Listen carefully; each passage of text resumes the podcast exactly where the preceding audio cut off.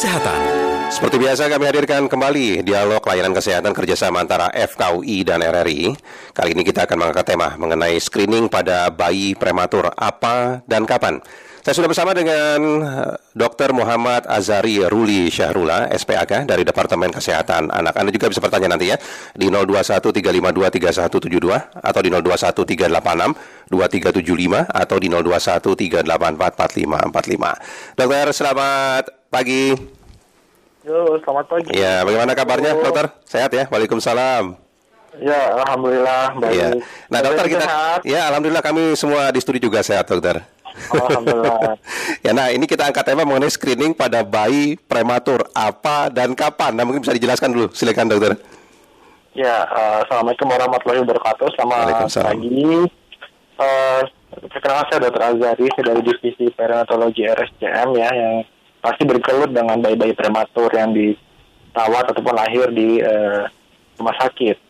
Nah, eh, terkait dengan Hari Anak Nasional ya, maka salah satu eh, kontributor peran masalah tumbuh kembang di Indonesia itu salah satunya ialah bayi prematur. Ya. Jadi bayi prematur ini angka kelahirannya di Indonesia masih cukup tinggi ya. Bahkan kita menjadi top 5-nya nih di dunia penyumbang prematur ke dunia. Top Artinya five di bahwa dunia? kita- ya benar, kita masih eh, cukup tinggi.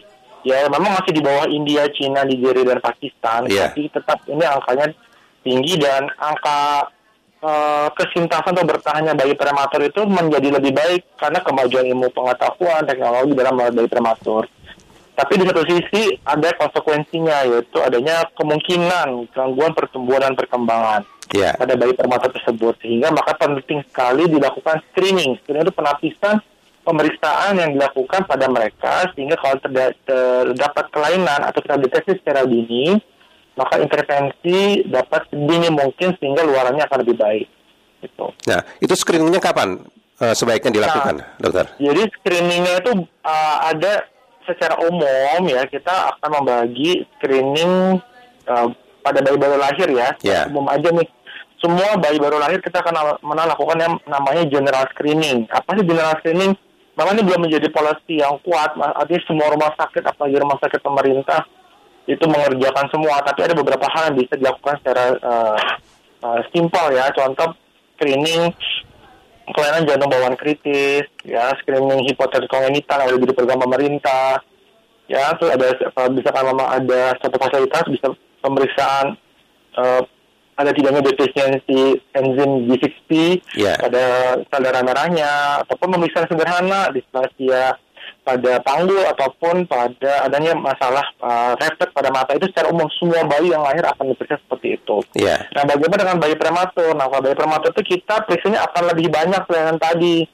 Yang pertama terkait dengan eh, kematangan dari otaknya. Kita melakukan imaging atau screening pemeriksaan USG kepala, ya. Lalu kita pemeriksaan jantung jika diperlukan, ya. Lalu pemeriksaan darah, kepadatan tulangnya, pendengarannya, ya. Ke, eh, mungkin mata lebih spesifiknya karena bayi prematur itu berisiko mengalami kebutaan pada matanya. Lalu pemeriksaan pertumbuhan perkembangan tentunya ginjal dan screening gigi dan mulut. Tuh. Ya. Nah, sekarang kapan? Nah, ini banyak sekali ya uh, pemeriksaan yang akan dilakukan. Dan tidak semua bayi prematur lahir akan semua otomatis diperiksa. Tergantung uh, derajat prematuritasnya ataupun rendahnya berat lahir mereka ataupun kompleksitasnya pada saat mereka dirawat di rumah sakit. Tentunya setiap bayi prematur bisa nasibnya beda-beda, ya. Ya. Misalkan sebagai ya silakan Pak. Nah, eh, dokter, kalau kita tahu kan yang masyarakat umum tahu begitu ya, bayi prematur itu adalah bayi yang lahir ketika usia kandungan sang ibunya kan belum cukup begitu untuk melahirkan. Nah, Ya. apakah memang hanya karena hal tersebut atau ada penyebab lain bayi itu dilahir disebut sebagai lahir prima- prematur begitu, dokter? Oh ya, maaf tadi sebelum kembali definisi ya. Jadi kalau jika kita kembali kepada definisi, bayi prematur adalah bayi yang lahir sebelum usia kandungnya 37 minggu, ya. Iya. Bapak memang beberapa kita eh, yang benar masih beberapa kepustakaan bilang kita sebenarnya anggap genap itu 37 plus 5 atau 6 hari. Nah, jadi kalau masih 37 minggu pas-pasan ada beberapa kepustakaan masih mengatakan itu prematur. Tapi kita secara definisi WHO di bawah 37 minggu otomatis kita anggap prematur tanpa melihat usia uh, berat lahirnya berapa. Iya. Ya. Hmm. Baik, dokter sebentar sebelum kita lanjutkan, kita break dengan info singkat dulu, jangan diputus ya dokter Asazari ya, sebentar saja ya. Oke. Okay. Kilas Berita. Kepala Kantor Alternatif Fatur Rahmat mengatakan hingga saat ini masih ada 13 orang korban kapal KM Cahaya Arafah yang tenggelam masih dilakukan pencarian. Pencarian korban yang hilang telah dilakukan sejak semalam dan dilanjutkan pagi ini. Pencarian dilakukan dengan menggunakan tim gabungan termasuk juga Basarnas. Untuk informasi lengkap pendengar bisa Anda akses di rri.co.id.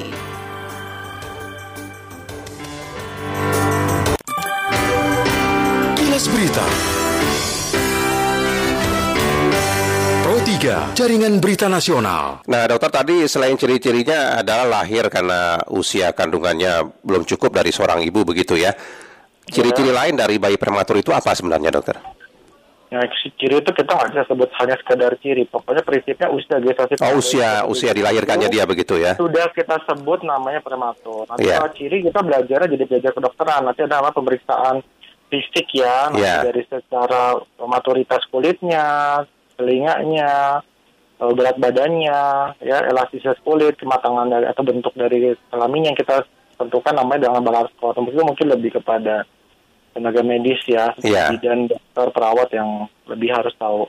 Baik, kita ke pendengar dulu ya. Ada Pak Lius di Kupang. Pak Lius, selamat pagi, Pak. Halo, Pak Lius.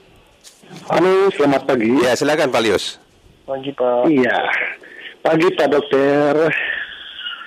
Pagi. Ya, ya terima kasih. Saya ikuti tadi hal tentang lahir prematur, prematur ini. Ya. Nah, saya punya pertanyaan itu, apakah prematur ini yang pertama, apakah melahir, ah, bersalin itu mungkin gangguannya pada saat ibunya mengandung, ya pada saat itu dia minum obat satu atau mungkin kurang gizi, lalu kedua atau bersalin karena ada faktor ibunya sehingga anak terganggu akhirnya putus suaranya Pak Lius yang kedua apa tadi Pak yang kedua itu apakah terganggu pada saatnya ibu mengandung bayi itu hingga berasalnya itu tidak uh, normal begitu. Yeah. Jadi dia terganggu pada kesehatannya. Dan lalu yang ketiga, ketiga itu apakah ibunya itu mengkonsumsi obat atau memang uh, pada bayinya itu terganggu pada sejak uh, dia di kandungan uh, begitu ya Pak? Ada gangguan di bayinya begitu ya? Ya Pak ya, ya. lalu yang keempat itu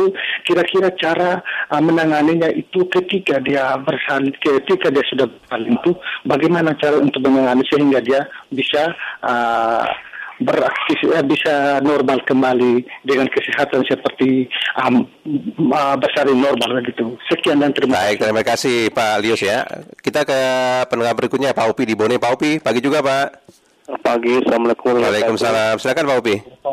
Selamat pagi dok, Assalamualaikum. Salam, selamat pagi Pak. Mau bertanya dok begini, apakah artinya salah satu, apakah betul ini dok salah satu penyumbang terbesar anak lahir dengan keadaan disabilitas adalah lahir prematur dok karena penuh dengan anu, anu, anunya dok. Apakah yang dia disabilitas ya, bisa dikaitkan dengan terbesar, lahirnya prematur ya, begitu ya Pak? Iya.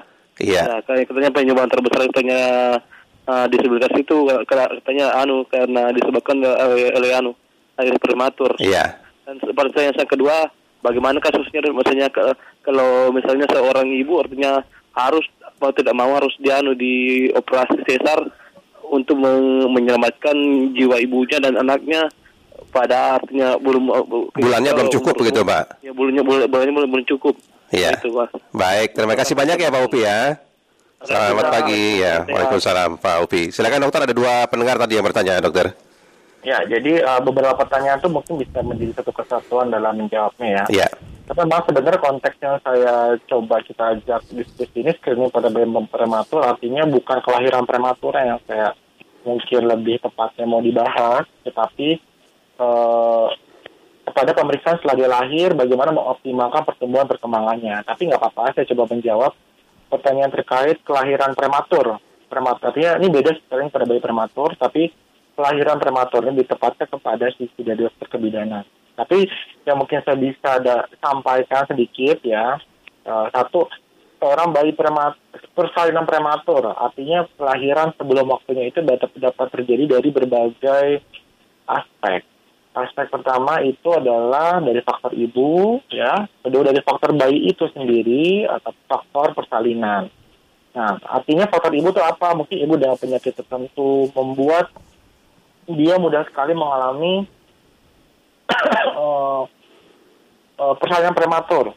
Ya, artinya misalkan sebagai contoh, ya ibunya dengan sakit-sakit tertentu, uh, gizi yang tidak baik, kehamilan di usia sangat muda, hygiene yang kurang baik, sehingga mudah mengalami infeksi dan sebagainya.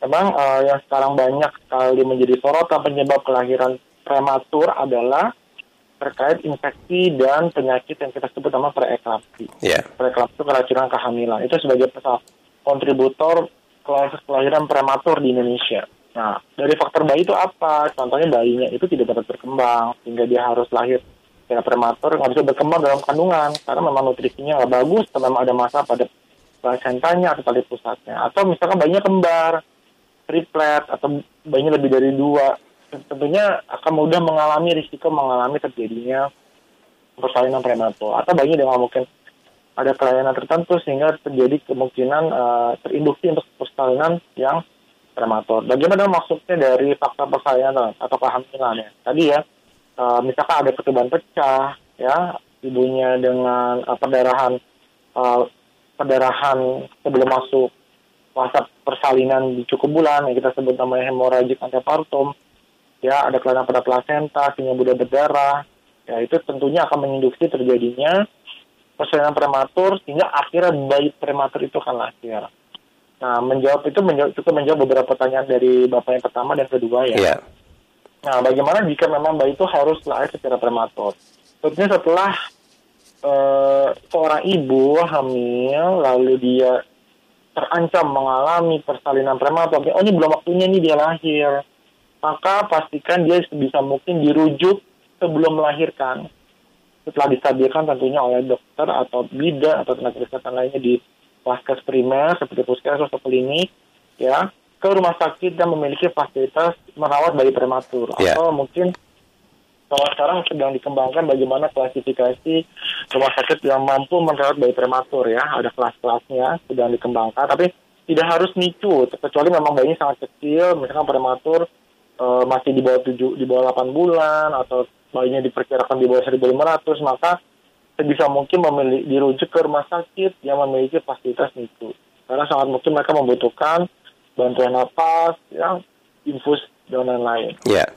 Ya, jadi yang dilakukan itu dulu. Nah, dengan seperti itu kita akan uh, setiap bayi prematur itu tidak bisa sama. Artinya uh, bayi yang makin kecil lahirnya makin muda usia gestasi dia lahir, usia kandungan lahir, maka dia memiliki kesin, uh, prognosis masalah pertumbuhan ke perkembangan yang pasti berpotensi menjadi masalah ke depannya. Itu makanya tadi apakah salah satu penyumbang disabilitas itu dari bayi prematur tidak bisa dibilang 100% benar karena banyak juga bayi prematur yang 1000 gram, 1500, 800 gram yeah. mereka bisa tumbuh dan kembang seperti bayi yang lahir cukup bulan karena apa? Karena mereka dilakukan screening, dipantau pertumbuhannya, nutrisinya harus cukup, dilakukan stimulasi, jaga kesehatan diberikan stimulasi imunisasinya sesuai.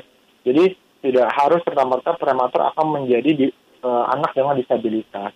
Tapi memang benar kalau bayi prematur tidak mendapatkan perawatan yang sesuai sejak dia lahir, lebih lagi tidak dilakukan screening untuk mendeteksi adanya kelainan atau masalah terutama di otak, di mata, di telinga ya, maka dia akan berpotensi menjadi anak dengan disabilitas di kemudian hari. Ya, jadi ini memang perlu adanya penanganan yang rutin begitu sudah melewati masa screening, sudah diketahui bagaimana kondisinya, harus rutin diperiksa ke dokter untuk penanganan lebih lanjut agar tumbuh kembangnya tidak ada masalah ke depan begitu ya dokter ya? Betul, betul uh, Pak Zaini. Jadi memang uh, idealnya bayi prematur itu tidak bisa hanya mengandalkan uh, kemampuan orang tua untuk merawat. Uh, sehingga maka uh, harus ada yang memandu yeah. screening mendeteksi dini ada nggak sih masalah paling minimal tuh ke bidan atau ke dokter umum di puskesmas misalkan dia sudah sudah pulang dari rumah sakit nih dari RSUD bayi itu pulang maka dia tetap akan perlu dibantu pendampingan merawatnya ya oleh uh, tenaga medis ya. Minimal sekali oleh bidan dan dokter untuk di screening nih. Iya. dia di screening tuh mungkin bukan memeriksa mata segala macam karena itu dokter mata yang harus meriksa cuma dia melihat ini udah diperiksa atau belum? Telinga sudah diperiksa atau belum? Pertumbuhannya naik atau tidak? Bagus atau tidak? Panjang badannya naik atau tidak? Lingkar kepala naik atau tidak? Kalau ada masalah aja maka dok eh, bidan dokter umum di puskesmas harus merujuk ke rumah sakit untuk ketemu dokter anak. Nanti dokter anak akan melihat masalahnya apa pada bayi prematur ini Iya. apa yang apa yang bisa ditambah dan apa intervensi yang bisa dikerjakan setepat mungkin sehingga luarannya bayinya akan tetap bagus Hmm, baik dokter. Dokter sayang sekali waktu kita terbatas. Nanti kapan-kapan kita bahas lagi soal bayi prematur ini karena kelihatannya masih banyak pendengar ingin bertanya sebenarnya, Dokter Azari. Betul. Terima Iya. kasih banyak sudah bersama kami, Dokter Azari. Semoga bermanfaat. Ya, selamat pagi. Waalaikumsalam warahmatullahi Semua. wabarakatuh. Diminta pendengar ya, dialog kesehatan kerjasama FKUI dengan RRI. Tadi ada Dr. Muhammad Azari Ruli Syahrula SPAK dari Departemen Kesehatan Anak tentang screening pada bayi prematur apa dan kapan.